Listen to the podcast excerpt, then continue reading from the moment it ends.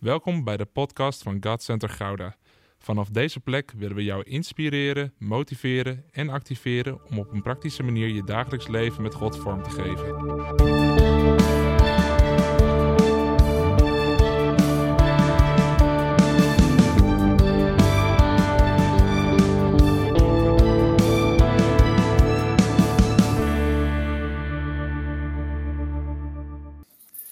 Goedemorgen allemaal. Fijn om jullie allemaal live te zien. De laatste keer dat ik hier was, eh, zaten we hier met een handje vol. Weet jullie nog, corona? Heel lang geleden. en ehm, ja, toen zaten we hier echt met een klein clubje. En eh, waarschijnlijk dat de meesten van jullie toen eh, via de livestream gekeken hebben. Maar ja, mooi om te zien hoe de gemeente gegroeid is om al die gezichten te zien. Geweldig. En uh, dit is een uh, mooie gemeente, een goede gemeente. We zijn echt uh, dankbaar voor wat God hier aan het doen is. We zijn dankbaar ook voor de, de relatie en de contacten met, uh, met Jeroen en Petra. Maar natuurlijk ook met, met Arno en Vanessa, Jonathan en Tamara. Allemaal mensen die we in de loop der jaren zo hebben leren kennen door de bediening heen. Maar het is echt geweldig hoe je ziet hoe God hier aan het bewegen is. Um, ik heb het idee dat de Heer jullie uh, de wind in de rug heeft gegeven. Dat jullie de wind mee hebben. Is, dat is lekker, hè? Ja? Weet je nog in de tijd dat je geen elektrische fiets had en dat je dan de wind in je rug had? Zo heerlijk is dat, hè? Dat je echt denkt, oh ja, lekker, alles gaat lekker, gaat lekker gemakkelijk. Zelfs dat, zelfs dat, uh, dat heuveltje op, dat gaat dan nog, uh, gaat dan nog prima. Maar dat is, dat is mooi als God de wind in de rug blaast. En uh, ja, dat is, uh, dat is heerlijk dat alles mee zit. Ik um, ben hier vandaag gekomen inderdaad met, uh, met CJ. En het is voor hem wel spannend, want het is wel een van de eerste keren dat hij de hele dienst erbij gaat zitten. Hij zei net al van, pap, ik verveel me, zei hij. dus um, ik zei, nou ja, joh, je mag ook naar de kinderdienst. Maar ja, goed, je mag ook uh, kijken naar, uh, naar papa of die En hoe lang duurt die preek dan van u? Uh, vroeg hij gelijk. Ik zei, nou, ik heb begrepen, en de klok loopt al, dat ik 35 minuten heb. Dus, dus we gaan het zien. Maar ehm, mijn vrouw die spreekt op dit moment bij ons in de gemeente in, in Almelo, de, de banier. Um, ik realiseerde me trouwens niet dat ik zo'n Almeloos accent had, maar, maar goed, dat zou best kunnen hoor dat ik dat wel heb. Uh, maar goed, dan moet je een keer echt in Almelo komen. Dan hoor je echt uh, de Almelo. Is, dat is echt wel even, even een uh, next level, zeg maar. Maar mijn vrouw die spreekt in, in de banier. zij, spreekt over, zij spreekt over doorbreken naar de breker voor een doorbraak. Nou, dat is ook wel mooi, hè? Dat is een mooie. Even, even iets om over na te denken. Ik wil het vandaag uh, met jullie hebben over uh, de vier stormen van het leven. Daar zou ik het dan willen hebben, over willen hebben. En um, als iemand uh, misschien in de gelegenheid is om een beetje water voor mij te halen, zou dat ook heel erg fijn zijn. Ja, dank u wel. Ik merk dat mijn keel een beetje al droog begint te worden. Maar ik wil het hebben met jullie over de vier stormen van het leven. Um, want, lieve mensen, ook al heb je de wind in de rug, ja, um, er zullen stormen komen in het leven. Ja? ja mensen denken soms van, nou, dat uh, wilde ik niet horen. Dat was niet de boodschap waar ik voor gekomen ben. Maakt niet uit, maar um, je kunt beter met Jezus in de boot in de storm zitten, toch? Dan dat je Jezus niet hebt.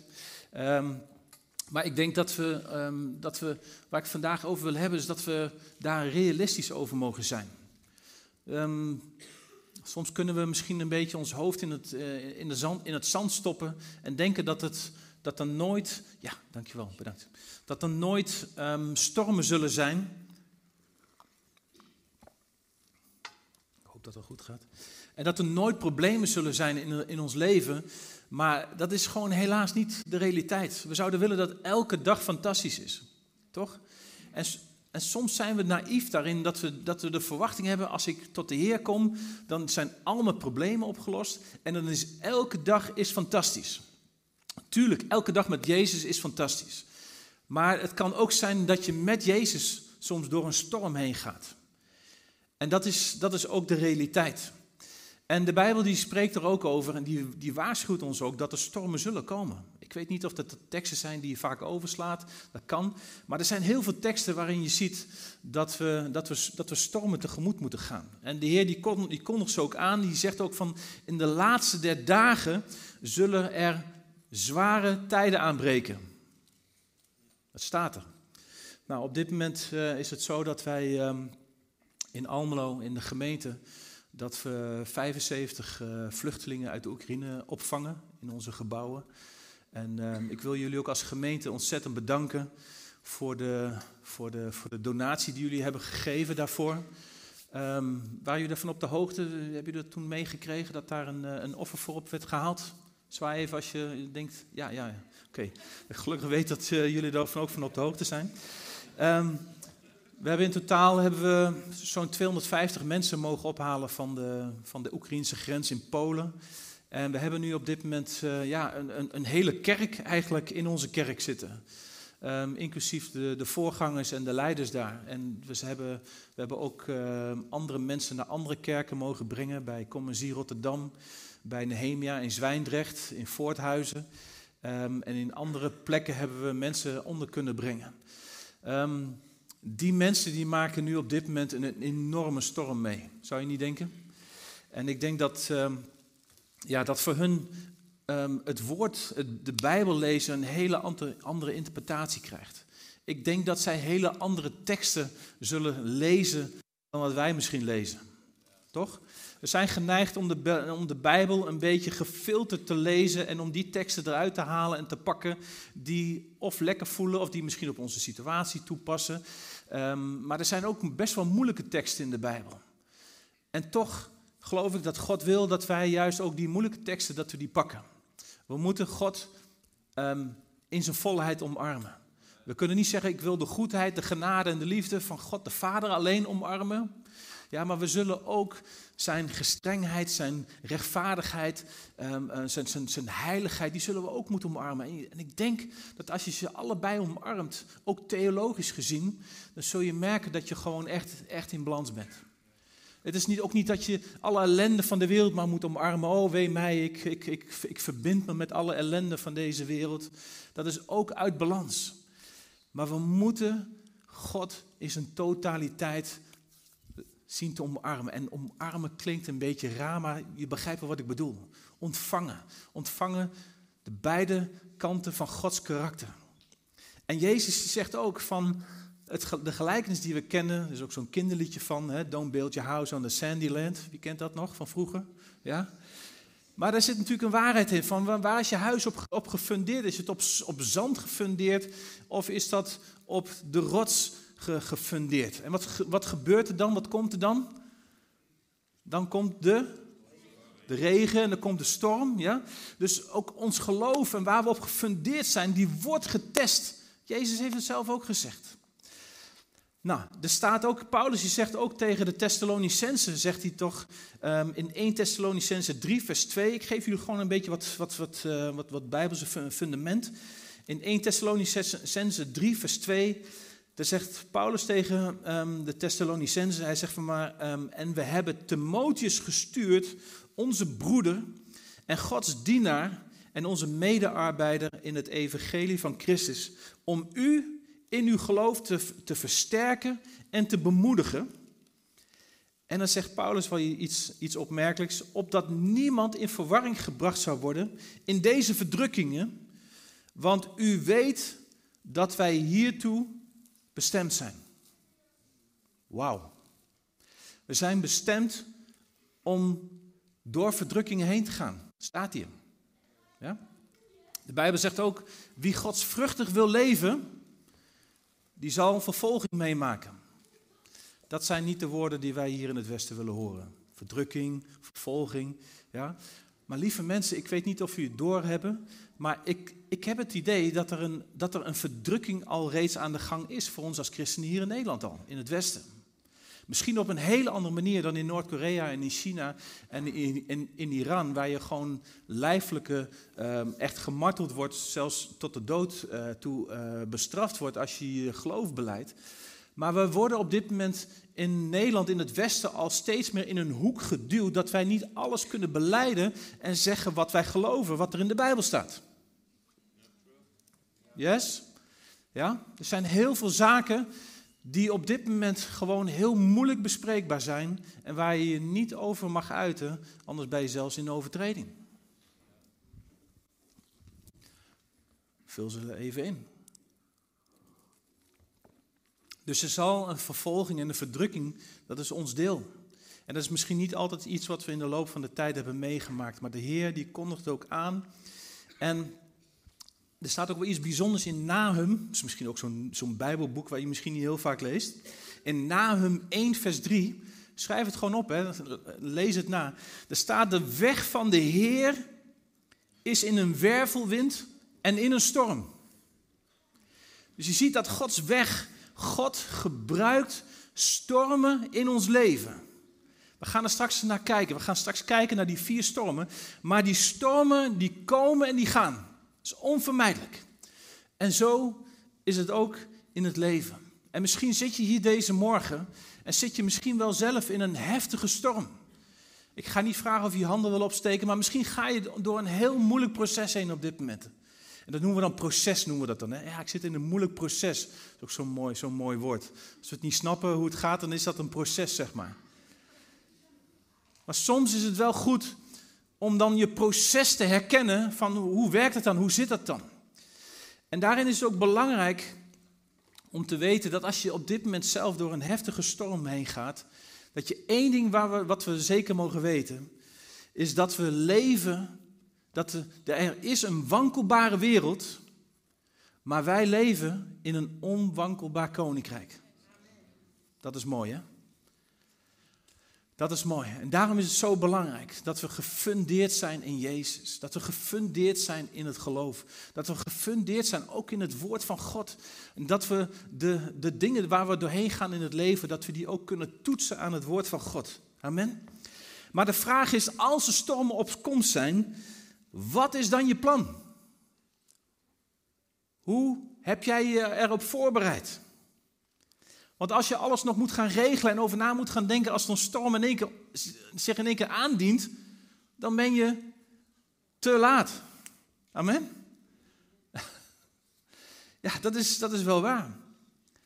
Elke zeeman op zee die de zee op gaat, is, is voorbereid op een storm. Het is niet altijd dat hij een storm gaat meemaken, maar hij is erop voorbereid. Hij heeft een soort stormprotocol. Heeft hij. hij heeft een navigatie, een kompas. Hij heeft een, eh, denk ik ook een soort buienradar. Heeft hij, dat hij ook precies ziet waar er buien zich aandienen. En dat hij ook weet um, wat hij moet doen, dat, hoe hij alles vast moet zetten als er een storm op komst is.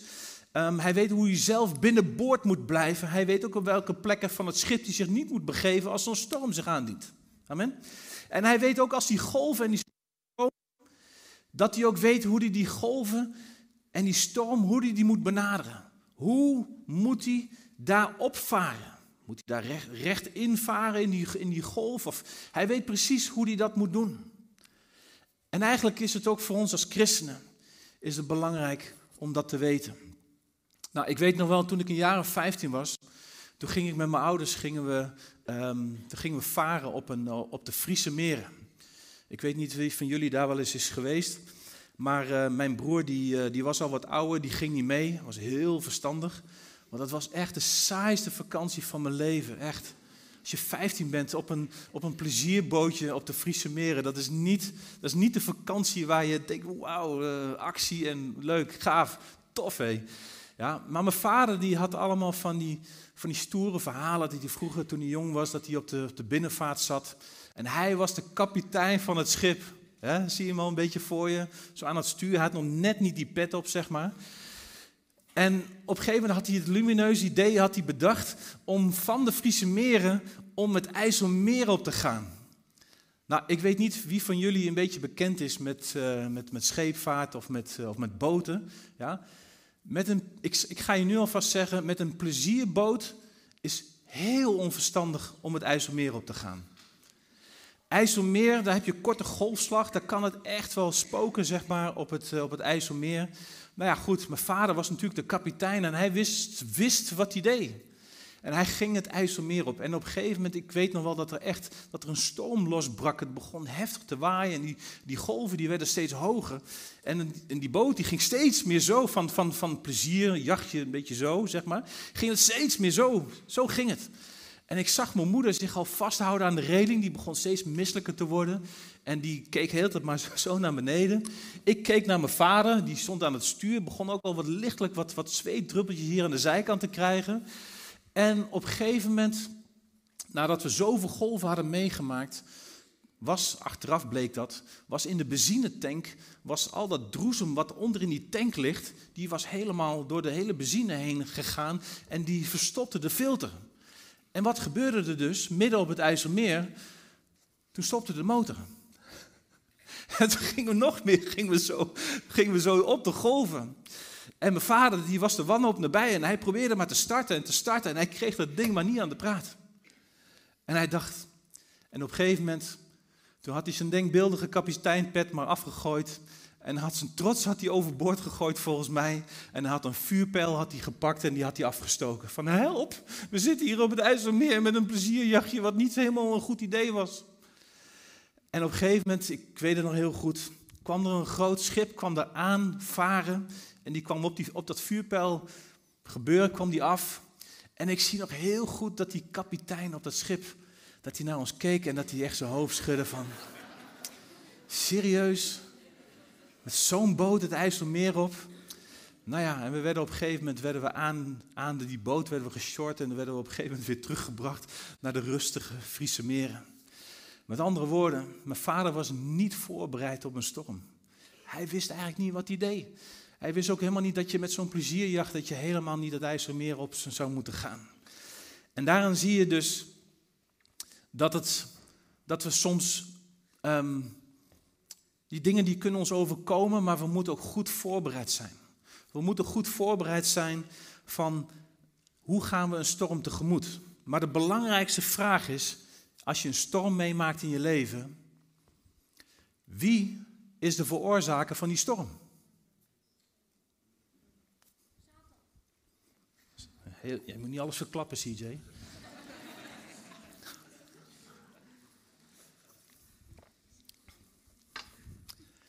Maar het is wel goed.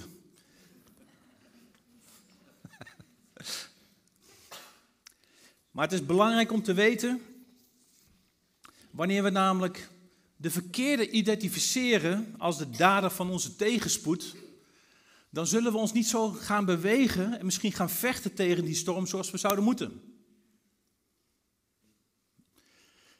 Dat is een nadenker. Maar wat belangrijk is om te weten, wie is de veroorzaker van die storm? Maar hoe ontstaan stormen in het natuurlijke, daar kunnen we ook iets van leren. Hoe stormen ontstaan, dat is heel interessant. Dat is namelijk een botsing van warme en koude lucht die elkaar ontmoeten. En het moment dat die koude en die warme luchtstromen elkaar ontmoeten, dat zorgt ervoor dat er een storm zich ontstaat. Het is in het geestelijke misschien de botsing tussen goed en kwaad, tussen warm en koud, misschien wel tussen, tussen lauw en koud. En dan merk je dat er botsing of dat er stormen ontstaan. Dat merk je ook in de gemeente. In de gemeente ontstaan stormen op het moment dat mensen die lauw zijn en mensen die on fire zijn voor God of mensen die koud zijn, tegenstrijdige belangen hebben. Ja, ik zeg het nog heel netjes. En dan ontdek je dat er in één keer een storm gaande is. En als we daar niet goed op reageren, we kunnen die storm laten laten liggen. Van laat, het maar geen, laat het maar een storm in een glas water worden. Ja? Maar er zijn dus vier stormen die ik zou willen behandelen. Er zijn misschien wel veel meer, maar dat is even wat ik eh, zou willen noemen. Eén is de eigen schuld dikke bultstorm. Twee is iemand anders zijn storm, maar ja, waar jij zelf last van hebt. En drie is inderdaad de demonische, de storm van Satan. En vier dat is Gods storm. Of misschien de storm die God toelaat in je leven. Zullen we daar eens naar gaan kijken? Maar elke storm in ons leven vraagt om een andere benadering. Laten we allereerst laten we eens kijken door de storm, door eigen schuld, dikke bult. Ja? We kennen allemaal het verhaal van Jona. Ken het verhaal van Jona? Die moest naar Nineveh, maar waar ging hij naartoe? Hij ging naar, hij ging naar Tarsus toe. Hij ging de hele andere kant op. Hij moest een hele, hele vervelende boodschap moest hij brengen. Hij was de brenger van slecht nieuws. Want dat er oordeel zou, zou komen over Nineveh. Maar Jona die wilde God niet gehoorzamen. En hij wilde niet luisteren. Hij ging de tegenovergestelde richting ging die op. Nou, Jona, er kwam op een gegeven moment, dat toen hij in de boot stapte, kwam er een ontzettende zware storm. En we lezen dan Jona 1, vers 4. Dus als je snel mee wil lezen, mag dat. Dat is een heel kort stukje. Maar in Jona 1, vers 4, er staat van, maar de Heer wierp een hevige storm op de zee en er stond een zware storm op de zee, zodat het schip dreigde te breken. Wanneer we namelijk God niet gehoorzamen in ons leven, dan kunnen we de tegenwind van God kunnen we gaan ervaren in ons leven. Ik heb het ervaren, lieve mensen. Zijn er nog meer die, die zegt, ja, ja, ik heb ook de tegenwind van God echt ervaren in mijn leven. En dat is wanneer we niet in de wil van God wandelen, dan zul je merken dat de, dat de vreugde weggaat, dat de blijdschap weggaat, dat de vrede weggaat. En dat je merkt dat er steeds meer tegenstand begint te komen in je leven. En in Jona 7 zeiden de mannen ook tegen elkaar: laten we het lot werpen, zodat we weten door wie dit onheil ons overkomt. En ze wierpen het lot en het lot viel op Jona. Nou ja, Jona die beleed het maar. En die zei, ja, ja, ja, ik eh, ben, uh, ik, het, is, uh, het is de Heere God, die, mijn God, die ik dien, die deze storm heeft, heeft laten uitbreken hier op zee. En er was maar één oplossing. En is dat hij, en daar is waarschijnlijk het woordje Jonassen, ja? Hij werd gejonast. De enige oplossing om die storm tot kalmte te brengen is dat Jonas overboord gegooid moest worden en dat hij in de zee terecht kwam. Hij moest zich bekeren. Maar hij moest ook de consequenties dragen van de verkeerde keuzes die hij had gemaakt. En dat is wat de Bijbel natuurlijk ook zegt: van wat je zaait zul je oogsten. Dat kan in positieve zin zijn, maar dat kan natuurlijk ook in negatieve zin zijn. En dan weten we allemaal dat Jona uiteindelijk, dat hij na drie dagen geloof ik, hè, werd hij eruit gespuugd, toch? Ik denk dat Jona van geluk mag spreken dat hij aan de voorkant van de vis eruit kwam en niet aan de achterkant van de vis. ja, goed hè? Het is genade van God, lieve mensen.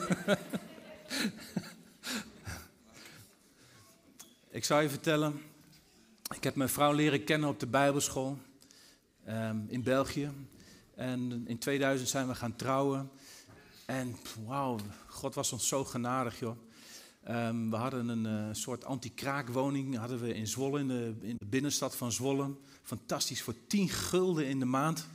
Ja, dat is te gek, hè? Dat is in de guldentijd nog, net nog in de guldentijd. 10, 10 gulden. En uh, toen kregen we nog huursverhoging van 1 gulden. Nou, wij, wij boos. Storm, man. Eh, gelijk, de strijd, weet je wel, van de Heer. Nee, geintje. Maar, maar we, we merkten gewoon dat, dat God ons zo zegende. Het was, het was alsof God gewoon, ja, ons gewoon, we hadden niks. Ik bedoel, toen ik naar de Bijbelschool ging, had ik mijn baan, mijn auto, mijn huis, alles had ik aan de kant gedaan. Ik had, ik had gewoon echt ook niks. En, um, en de Heer die heeft ons gezegend. En toen wij um, zijn gaan trouwen, toen kregen we ook allebei kregen we een fulltime baan.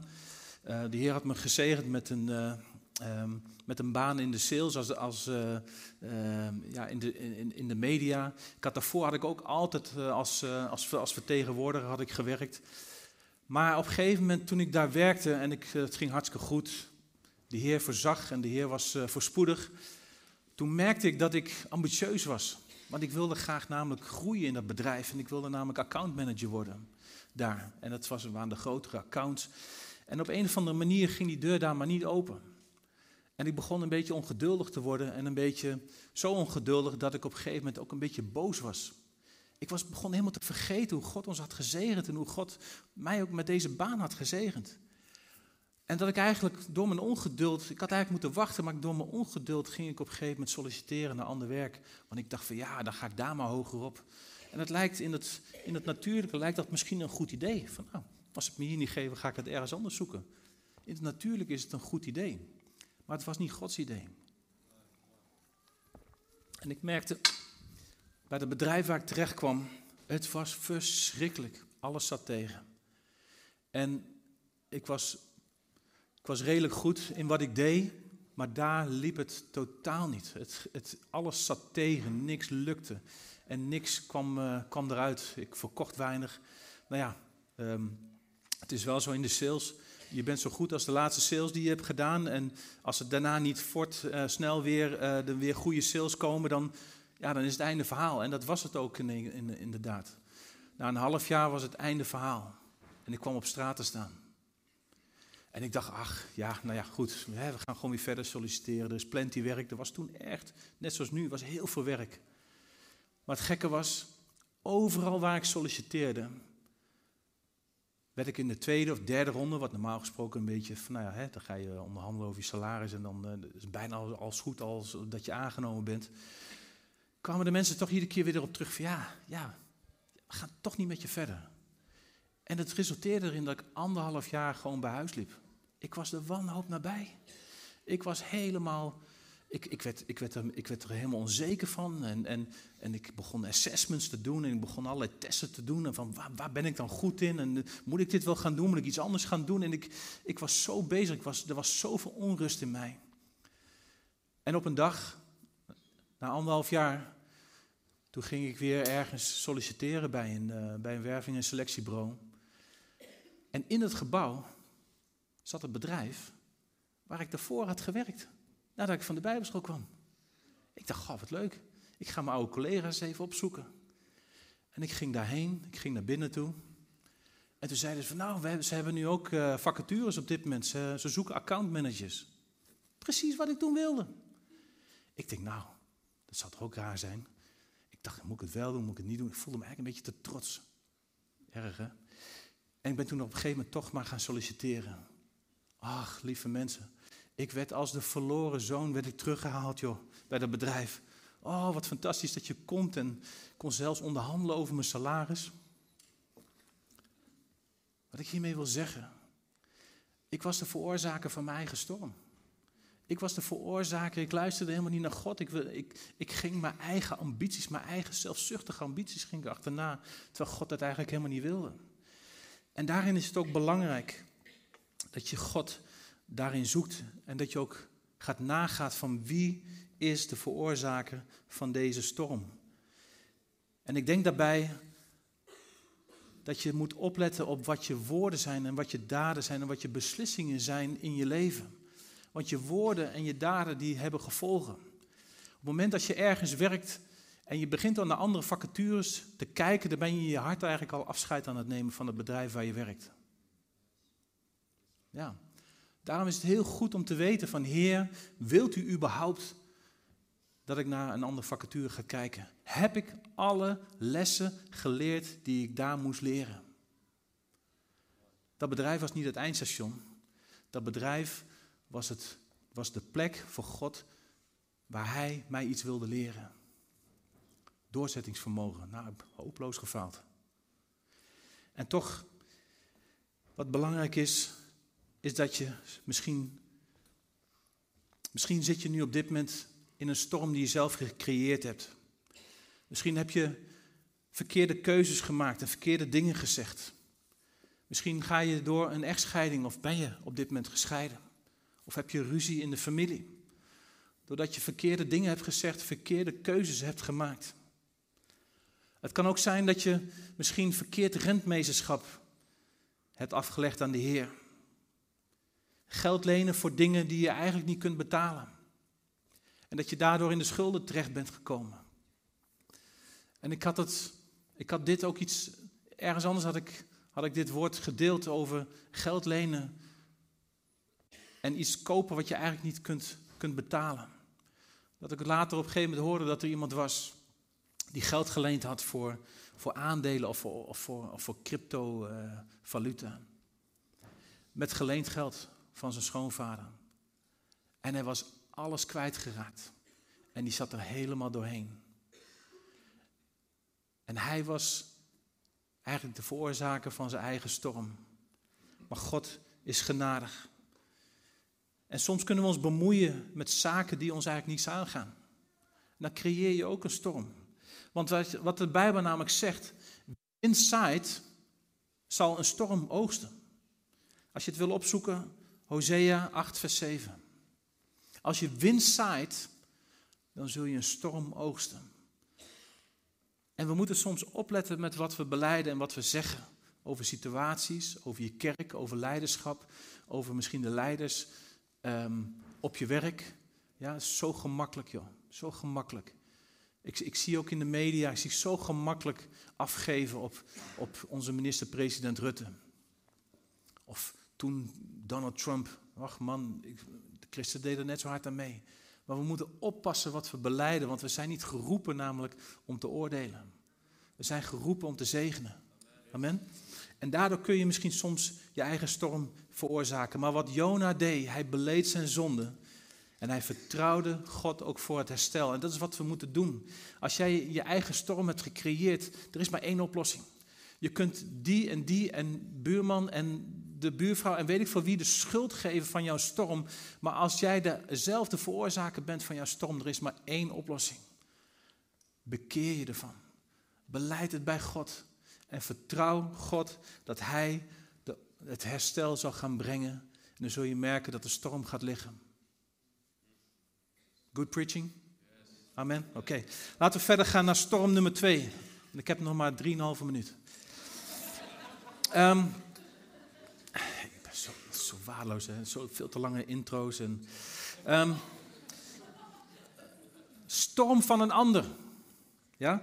We kennen het verhaal misschien wel van Paulus, die op een gegeven moment opgepakt werd en die um, in Handelingen 27 hebben we het dan over, dat Paulus op een gegeven moment opgepakt wordt en dat hij op een gegeven moment aangeeft dat hij een Romeins staatsburger is en dat hij dan uh, het eist dat hij naar Rome gaat om te verschijnen voor de, voor de keizer. En dan wordt hij op een schip gezet uh, die vaart naar Rome. Nou, dat is een heel verhaal. Um, maar ze kwamen in een storm terecht doordat de hoofdman niet naar Paulus wilde luisteren. Ja? Er staat in Handelingen 27, vers 9. Handelingen 27, vers 9 tot en met 11. En er staat, omdat er veel tijd verlopen was en het varen nu gevaarlijk werd, omdat de vaste tijd ook al voorbij was, waarschuwde Paulus hen en zei tegen hen, mannen, ik zie dat de vaart zal plaatsvinden met hinder en grote schade. En niet alleen voor de lading en het schip, maar ook voor ons leven. Maar de hoofdman vertrouwde de stuurman en de kapitein meer dan wat door Paulus gezegd werd. Iemand die weer op zijn natuurlijke zintuigen en op zijn natuurlijke uh, uh, verstand afgaat en die denkt van, Paulus is onze gevangene. Ja? We hebben hier een kapitein en we hebben gasten die allemaal verstand hebben van, van de scheepvaart. Mensen die verstand hebben van, van hoe het daar allemaal zit met die stormen. Ja, en hij vertrouwde op zijn natuurlijke zintuigen en op zijn natuurlijke verstand. En hij had geen geestelijk inzicht. En hij vertrouwde Paulus daar niet toe. Dat wat hij zei, dat het ook echt waar was. Bij Kreta stak er een stormwind op. Kennen het verhaal, ik ga niet het hele verhaal lezen, maar er was een, een schipbreuk en ze kwamen uiteindelijk kwamen ze op Malta terecht. En uiteindelijk gebeurde het toch. Toen begonnen ze wel naar hem te luisteren dat ze alles overboord moesten gooien. En uiteindelijk alles waar ze zich aan vast hadden gehouden, dat moesten ze allemaal overboord gooien. Allemaal omdat ze niet luisterden naar de openbaringen die God Paulus had gegeven. En dat is een storm van iemand anders. Paulus kwam in die storm terecht niet doordat hij dat wilde, maar omdat anderen niet luisterden naar God. En misschien zit je hier wel en ben je zelf ook in de storm van iemand anders terechtgekomen. Door de besluiten en beslissingen die andere mensen hebben genomen. Misschien op je werk of het kan ook zijn dat je misschien wel door de echtscheiding van je ouders, dat je daar zelf daar de dupe van bent geworden. Want dat is uiteindelijk de, zijn het de kinderen die de, de rekening betalen van de echtscheiding van, van, van ouders. Ik heb zoveel ouders heb ik gehoord van dat ze met goede bedoelingen. Nee, maar bij ons gaat het anders. Wij gaan uit elkaar, maar we gaan echt op een goede manier uit elkaar. En die kinderen zullen daar geen last van hebben. Lieve mensen, ik heb nog nooit meegemaakt dat dat goed ging. Ik heb nog nooit meegemaakt dat kinderen daar op latere leeftijd dat ze daar niet last van kregen. En ik denk dat de Oekraïne op dit moment ook in een storm zit door de storm van iemand anders.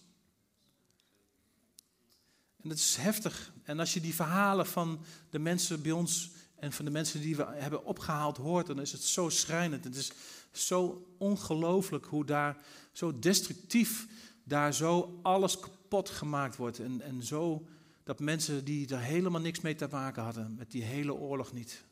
En iemand die zei dat wel heel mooi. Hij zei, oorlog is een plek waar jonge mensen die elkaar niet kennen en niet haten, elkaar vermoorden door de beslissingen van oude mannen die elkaar kennen en elkaar haten, maar elkaar niet vermoorden. Ik lees hem nog één keer voor. Oorlog is een plek waar jonge mensen die elkaar niet kennen en niet haten, elkaar vermoorden. Door de beslissingen van oude mannen die elkaar kennen en elkaar haten, maar elkaar niet vermoorden. Dat is altijd wat je ziet. Die presidenten die zitten echt niet met elkaar op de, op de vuist hoor. Het zijn vaak de jonge mannen die de oorlogen van anderen moeten uitvechten. En daardoor komt er een heel volk in de storm van iemand anders terecht. En dat is, maar dan zie je ook, dan mag je ook gewoon doen aan wat, wat Paulus ook deed. Want Paulus die kreeg namelijk een woord van de Heer voordat hij in die storm terecht kwam. En de Heer die zei bij hem, en dat is in Handelingen 23 vers 11, heb goede moed Paulus, want zoals u in Jeruzalem van mijn taak getuigd hebt, zo moet ook u in Rome getuigen. Het getuigenis was dat, dat Paulus wist dat God had gezegd dat hij naar Rome moest. Hij wist hoe dan ook, hoe het ook zou gaan. Ook al zit ik in de storm van iemand anders, maar ik vertrouw op wat God heeft gezegd. En ik zou je willen aanraden, als jij in de storm zit van iemand anders, vertrouw God op wat Hij tot jou heeft gesproken. Vertrouw erop dat God tot zijn doel zal gaan komen in jouw leven. Hou je vast aan het profetisch woord. En dan zul je merken dat je tot je doel zult komen. Maar wat je ook moet doen, is dat je als je in de storm zit van iemand anders, dat je leert om te vergeven. Net zoals Jozef. Jozef die in de put gegooid werd door zijn broers. Maar door alle ellende waar hij er doorheen ging, bij het huis van Potifar, 13 jaar in de gevangenis, ten onrechte.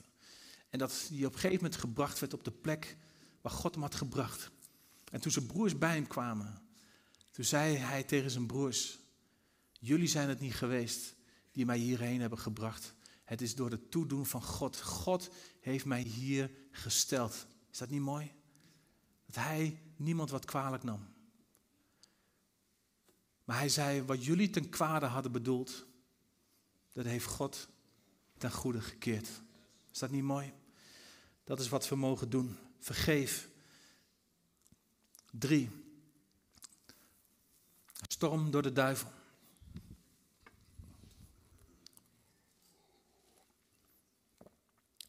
Ik ken allemaal het verhaal van Job. En het verhaal van Job, daar zie je ook dat er een hevige stormwind kwam, omdat Satan namelijk het leven van Job mocht aanraken en alles weg mocht nemen.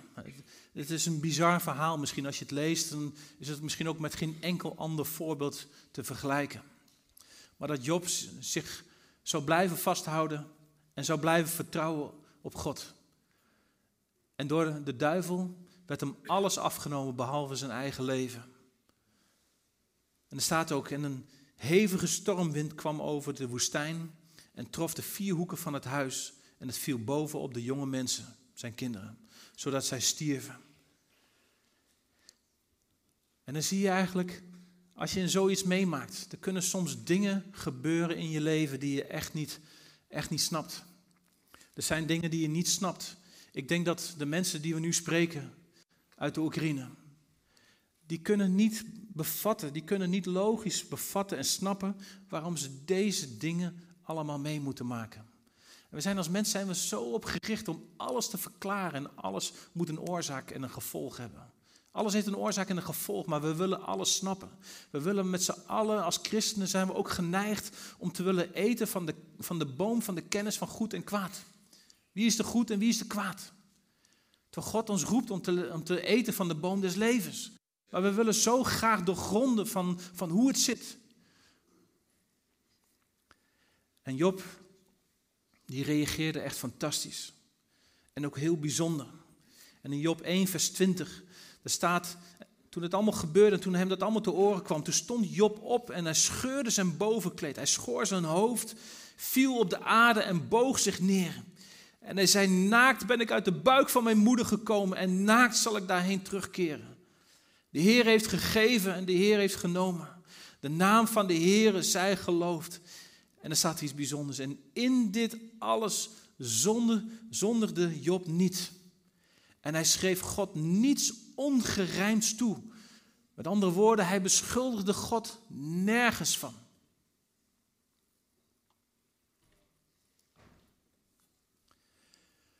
En dit is zo'n heftig verhaal. Job zondigde met zijn lippen niet.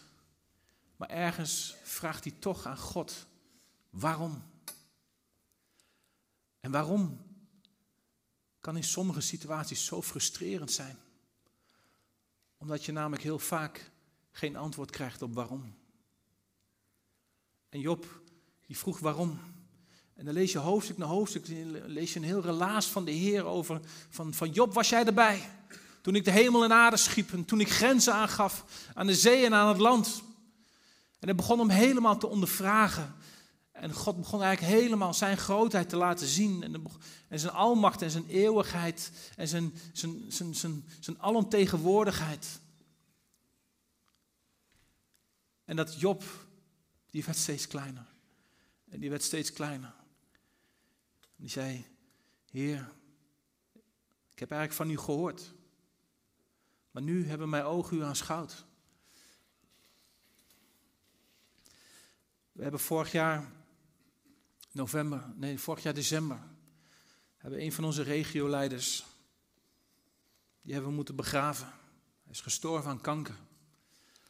En we hebben zo gebeden met elkaar. We hebben gebeden, we hebben gevast en we hebben zo God willen geloven en geloofd dat Hij hem zou gaan genezen. En toch is hij gestorven. Ik zou u willen zeggen, lieve mensen, zelfs na zijn sterven hebben we zo God willen geloven en gebeden dat hij wakker zou worden. En er was alles in me. Wilde zo graag dat zijn hart weer zou gaan kloppen. Ik ben vorig jaar nog met hem naar Kiev geweest, naar de Oekraïne. En hij ging met pijn in zijn rug, ging niet mee. Niet wetende dat hij, dat hij al helemaal uitgezaaid kanker had in zijn, in zijn rug. Maar hij was zo positief als er één iemand was die geloof had. En die God geloofde voor genezing. En iedere morgen vroeg ik aan, en Robert, hoe gaat het? Is de pijn al minder? Want we baden iedere dag voor hem. Ja, ja, ja, gaat steeds beter, zei hij. Zei hij altijd, ja, gaat steeds beter. Ik zeg, Robert, eerlijk? Nee, het is niet beter. Hij verging van de pijn. Hij ging door zoveel pijn heen. En alles in me was daar. Dat we voor hem baden, dat hij op mocht, mocht staan. Anderhalf uur. En toen moesten we stoppen met bidden. Omdat God het wonder niet deed.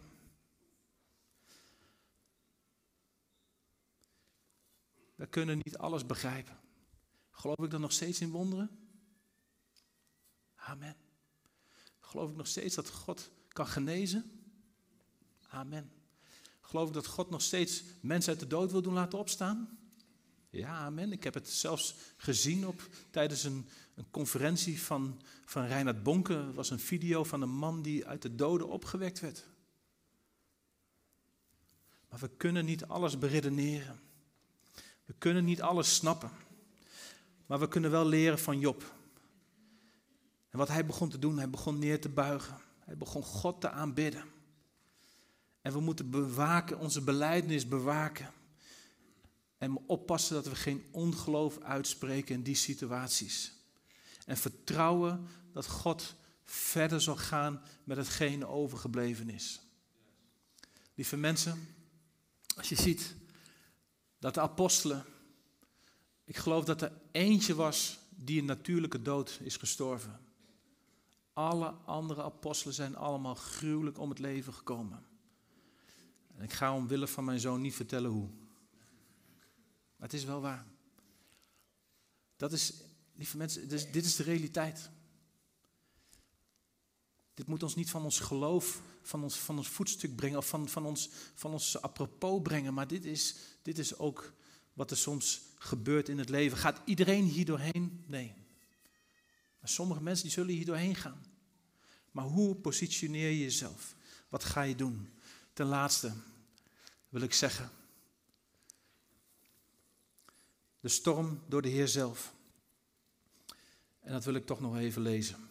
Marcus 4, vers 35 tot en met 41. Vind je het goed, Jeroen, dat ik nog verder ga? Dat is de laatste storm.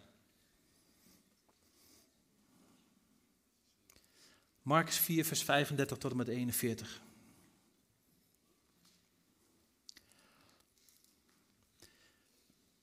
En dat is dat Jezus met zijn discipelen het meer op ging. We kennen het verhaal. En op die dag, toen het avond geworden was, zei hij tegen hen: Laten we overvaren naar de overkant. Moet je even goed onthouden. Jezus zei: Laten we varen naar de overkant. Ja, dus wat zei Jezus? Yes. En ze lieten de menigte achter en namen hem die al in het schip waren mee. En er waren nog andere scheepjes bij hem. Ze waren niet alleen. En er stak een harde stormwind op en de golven sloegen over in het schip, zodat het al volliep. En hij lag achter in het schip, hij is Jezus, achter in het schip lag hij te slapen op een hoofdkussen. Ja, dat vind ik zo'n mooi verhaal dit. Storm, water, eh, heftig. Jezus ligt daar lekker te slapen. En ze wekten hem en zeiden tegen hem: Meester, bekommert u zich dan niet om wat we dan, dat, dat we vergaan? Dat was, het, dat was de beleidenis. We vergaan. Er was een storm, maar de, de, de conclusie van deze discipel was van, we vergaan.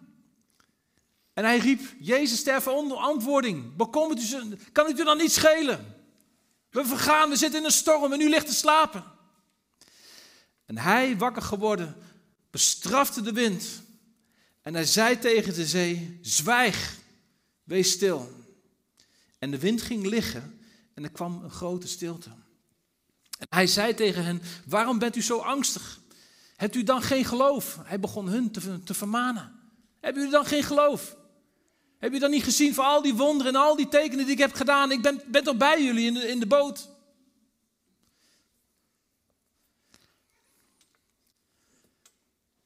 En ze vreesden met grote vrees en zeiden tegen elkaar: Wie is deze toch? dat zelfs de wind en de zee hem gehoorzaam zijn. Lieve mensen, deze discipelen waren niet door hun eigen schuld dikke bult, storm, of door iemand anders of door de duivel in deze storm terechtgekomen, maar door de Heer zelf. Amen. En Jezus die wilde zichzelf openbaren in deze storm. Hij wilde zichzelf openbaren omdat hij namelijk naar mijn inziens, dat hij de discipelen iets wilde leren. Hij wilde hen iets leren in deze storm. Want waarom ging Jezus slapen? Er was afgevraagd, er was, er was over nagedacht. Waarom ging Jezus slapen? Hij wist immers dat er een storm zou komen, toch? Want Jezus weet alles. Hij was moe. Goede reden toch? Want Jezus had namelijk gezegd: Laten we naar de overkant gaan. En ik denk dat de discipelen vast niet zongen van met Jezus in de boot ben ik veilig in de storm. Nee, dat zongen ze niet.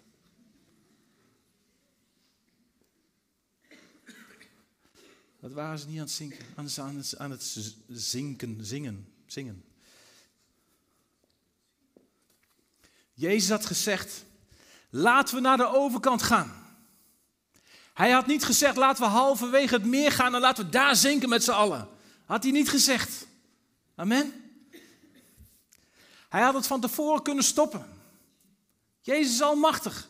Hij wist dat die storm zou komen. Hij had het van tevoren kunnen stoppen. Van ja, het is wel een beetje ongemakkelijk. Ga je naar de overkant, komt een storm. Laat ik dit maar vast tegenhouden. Dan hebben we gewoon een rustige storm of een rustige reis naar de overkant. Jezus deed dat niet. Hij, het leek erop alsof Jezus eigenlijk tegen hun zelf zei van... Lieve discipelen, ik had verwacht dat jullie zelf op de boeg van het schip zouden gaan staan. Dat jullie zelf deze storm zouden gaan doen laten zwijgen. Eigenlijk zei hij van, neem zelf autoriteit over deze storm. Begin zelf te spreken tot die storm. Weet je dat Jezus tegen heel veel dingen sprak in plaats van mensen ook? Hij sprak tegen een vijgenboom en hij sprak tegen een berg, en, of nee, een berg, maar hij sprak tegen de storm. Er zijn heel veel dingen waar, God tegen, waar Jezus tegen sprak. En ze hadden zelf op dat boeg van het schip moeten staan. En hun vinger tegen die storm uit moeten heffen. Storm, je zult ons niet tegenhouden. Je zult ons niet tegenhouden, want onze meester heeft gezegd van ga naar de overkant van het meer. Amen. Hij heeft gezegd, ga naar de overkant van het meer. Zou er niet genoeg kracht moeten zitten in die woorden van Jezus, dat hij zegt van ga naar de overkant. Dat wat je ook gebeurt, waar je ook doorheen gaat, wat je ook zult ontmoeten op weg naar je bestemming, dat de woorden van Jezus kracht hebben en dat hij uiteindelijk, als je daarop vertrouwt met heel je hart, dat je aan, het, aan de overkant zult komen. Amen. Ze hadden eigenlijk zelf moeten zeggen, storm ga weg in de naam van Jezus. Maar de vraag is, als je zelf in zo'n soort storm zit, bid je dan vanuit je situatie? Of bid je tegen de situatie?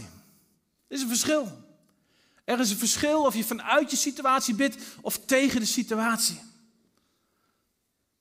Als je bidt vanuit de situatie, dan zeg je, help. U weet dat ik het heel moeilijk heb. Ja, dat weet ik, ik zie het, ik weet, ik weet waar je doorheen gaat. Ja? Maar Heer, als u zou willen en als u zou kunnen. Ja, ja, ja, ik kan, ik kan, ik kan. Ja? Zou u dan mij willen helpen in deze storm? Ja, ja, ja, dat wil ik ook. Ja? Lieve mensen, er zijn zoveel gebeden die we doen, die heel goed lijken, maar die geen geloof uitspreken. We vragen soms dingen die we al lang weten. Heer, als u, als, u, als u wilt en als u kunt, de Heer kan het. We hoeven niet te vragen of als u het kunt. Hij kan het. Maar wat hij ook heeft gezegd, ik heb mijn heilige geest heb ik in jullie gelegd, zodat hij wil dat we daarin gaan groeien. Hij wil dat we niet bidden vanuit onze situatie, maar dat we bidden tegen onze situatie. In het Engels staat het zo mooi. Don't tell God how big your storm is, but tell your storm how big your God is. Halleluja. En dat is wat God eigenlijk wil. Maar heb je ook wel eens, ooit eens afgevraagd wat nou de reden was dat ze in die storm terechtkwamen? Wat was de reden van deze storm? Waarom liet de Heer Jezus hen door in deze storm terechtkomen? Ik denk zelf dat het de vijand was die hun niet naar de overkant wilde laten gaan. Want wat gebeurde er in dit verhaal aan de overkant van het, van het meer? Waar kwamen ze aan? Ze kwamen aan in het land der Gadarenen. Wat gebeurde daar? Daar werd een man bevrijd van een legioen demonen. Er was een legioen redenen waarom de duivel niet wilde dat zij de overkant zouden bereiken. Amen. De duivel wist dat. De duivel wist dat als hij de overkant zou bereiken, dat hij dan die man tegen zou komen die vol zat met demonen. Er was een reden voor de storm. Er was een reden waarom de discipelen tegengehouden werden. Omdat hij wist dat zijn laatste uur, voor deze man in ieder geval, dat, dat hij had geslagen. En weet je wat zo mooi is? Weet je wat het woordje, ik, ik, ik, toen ik het ontdekte, ik, ik Weet je wat het woordje gadarene, wat het betekent? Woordje gadarene betekent, de beloning is aan het einde. Oh, is dat niet fantastisch? Aan het einde. Misschien heb je van al je inspanning, van al je gebeden, van al je aanbidding, heb je daar de vrucht nog niet van gezien. Je hebt misschien nog niet herkend van al je goede beslissingen die je hebt genomen, van alle goede daden die je hebt gezien, heb je daar de vrucht daar nog niet van gezien. Maar er is een beloning aan het einde. Een beloning van je struggle. Een beloning van dat je aan het doorduwen bent. Dat je aan God aan het vertrouwen bent. Dat je aan het geloven bent. Dat je hier doorheen zult gaan. En dat God zal gaan waarmaken wat Hij heeft beloofd in je leven. Dat het profetisch wordt. Dat het niet krankzinnig en gek is. Maar dat God in staat is om het te doen. Om God het in jouw leven tot uiting te, te willen laten komen. Misschien aan het einde van je proces, zo hebben we dat mooie woord weer. Aan het einde van je tranen, aan het einde van je worsteling, is er een beloning met jouw naam erop, lieve mensen. Er is een beloning onderweg, maar er is een beloning aan het einde. Zeg even tegen je buurman of je buurvrouw: hé hey joh, er is een beloning voor jou aan het einde.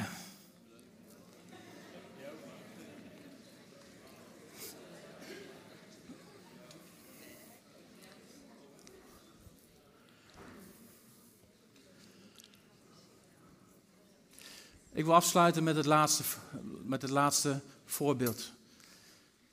Misschien kan de worship team dan wel komen. Ik wil afsluiten met het, met het volgende. Sandy en ik zijn in 2000 getrouwd. En ik heb het verhaal hier al een keer eerder verteld. Niet hier, maar volgens mij in het andere gebouw. Maar ik ga het toch nog een keer vertellen. Misschien zijn er ook een hoop mensen die het misschien niet gehoord hebben. Tien jaar lang lukte het niet dat Sandy zwanger raakte. En het, is het begin van, de, van ons huwelijk denk je, ja, nou ja misschien moet het nog komen en, het zal wel een keer, keer gaan komen, maar na zoveel jaar begin je toch een beetje te panieken en te wanhopen. En er waren zoveel profetische woorden die God had gegeven dat wij, dat wij kinderen zouden hebben. En op een gegeven moment kwamen in het ziekenhuis en zijn we ook door die hele traject, door dat hele traject heen gegaan. Een hele malle molen. En de doktoren die zeiden van, ik denk dat jullie echt aan adoptie moeten gaan denken. Want het is gewoon onmogelijk dat jullie kinderen krijgen. Maar wij geloofden God dat Hij ons een belofte had gegeven dat Hij ons kinderen zou geven. En dat adoptie, ik zeg, ik zeg niks verkeerds over adoptie, maar dat, dat was niet de weg voor ons. Dat was niet, het, dat was niet de weg die God, naar mijn inziens, ons inziens, die we moesten gaan. En toen in 2010 toen raakte Sandy zwanger.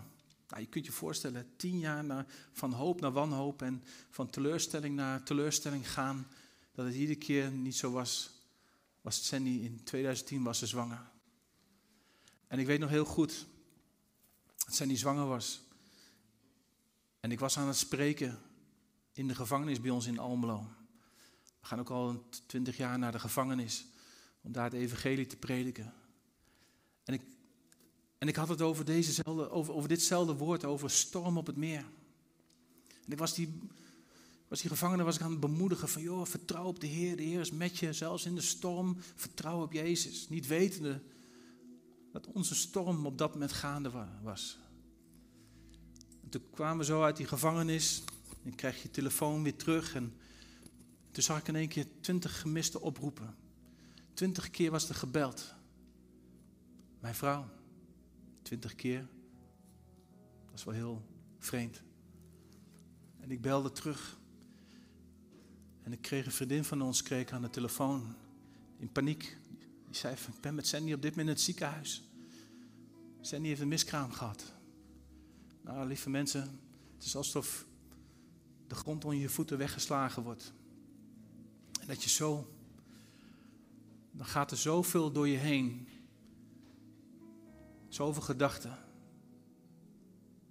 Misschien gaat het nog wel weer tien, tien jaar duren. Wie zal het zeggen? Het zijn allemaal van die on, irrationele gedachten die dan in één keer bij je naar boven komen. Maar we hebben onze vrienden hebben geroepen.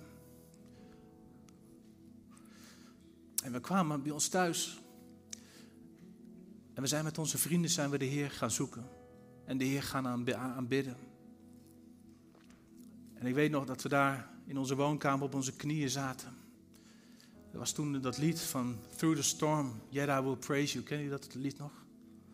Despite it all, Yet I Will Sing. En we wilden geen ongeloof uitspreken over deze situatie. We wilden God aanbidden. We begrepen het niet. Maar we wisten één ding. God had ons een belofte gegeven. En op dat moment werd het op een gegeven moment ook in de gemeente werd het bekendgemaakt dat Sandy een miskraam had. En na die bekendmaking was er een broeder die het nodig vond om een schoonvader een brief te sturen. Die was toen de voorganger op dat moment. Om hem een brief te sturen. Om hem even duidelijk te maken dat hij een woord van de Heer had ontvangen. Dat het zijn schuld was dat zijn dochter een miskraam had gehad. En dat hij, nou ik bespaar jullie de, details, alle religieuze en, en, en, heftige woorden die er allemaal in zaten. En dat de gemeente kapot zou gaan en de, de gemeente zou verspreid raken over de regio. En, en ik kan me nog herinneren dat we zo boos waren. We waren niet boos op die man. We waren boos op de duivel. We waren boos op de duivel dat, dat dit gebeurd was. En we hebben onze vrienden hebben opnieuw geroepen. En we hebben hun gevraagd: willen jullie met ons elke morgen om zes uur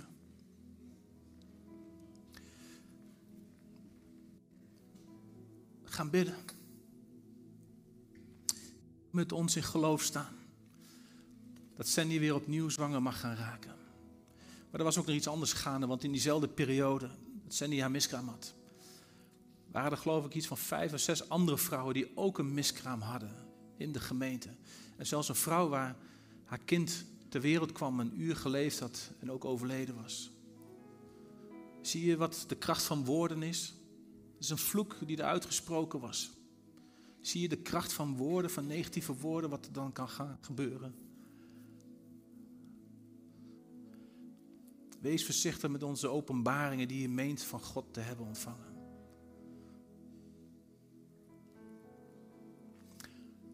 Maar de Heer gaf ons twee namen.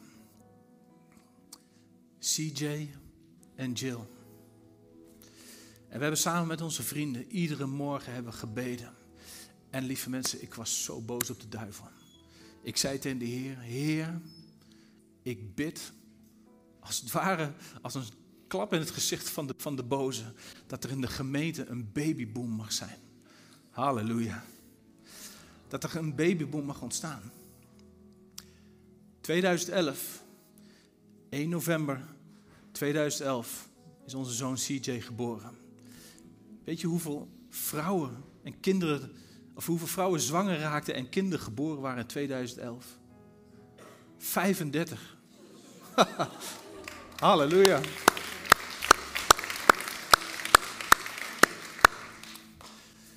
Ik wil jullie hiermee bemoedigen, lieve mensen. Als je niet in je eigen schuld dikke bult storm zit. Je zit niet in de storm van iemand anders. Je ervaart niet een, een, een ander soort storm van de boze waar je denkt van, hoe zit dit? Maar je ervaart dat de boze gewoon tegenwerkt. Tegenwerkt over de belofte die God jou heeft gegeven.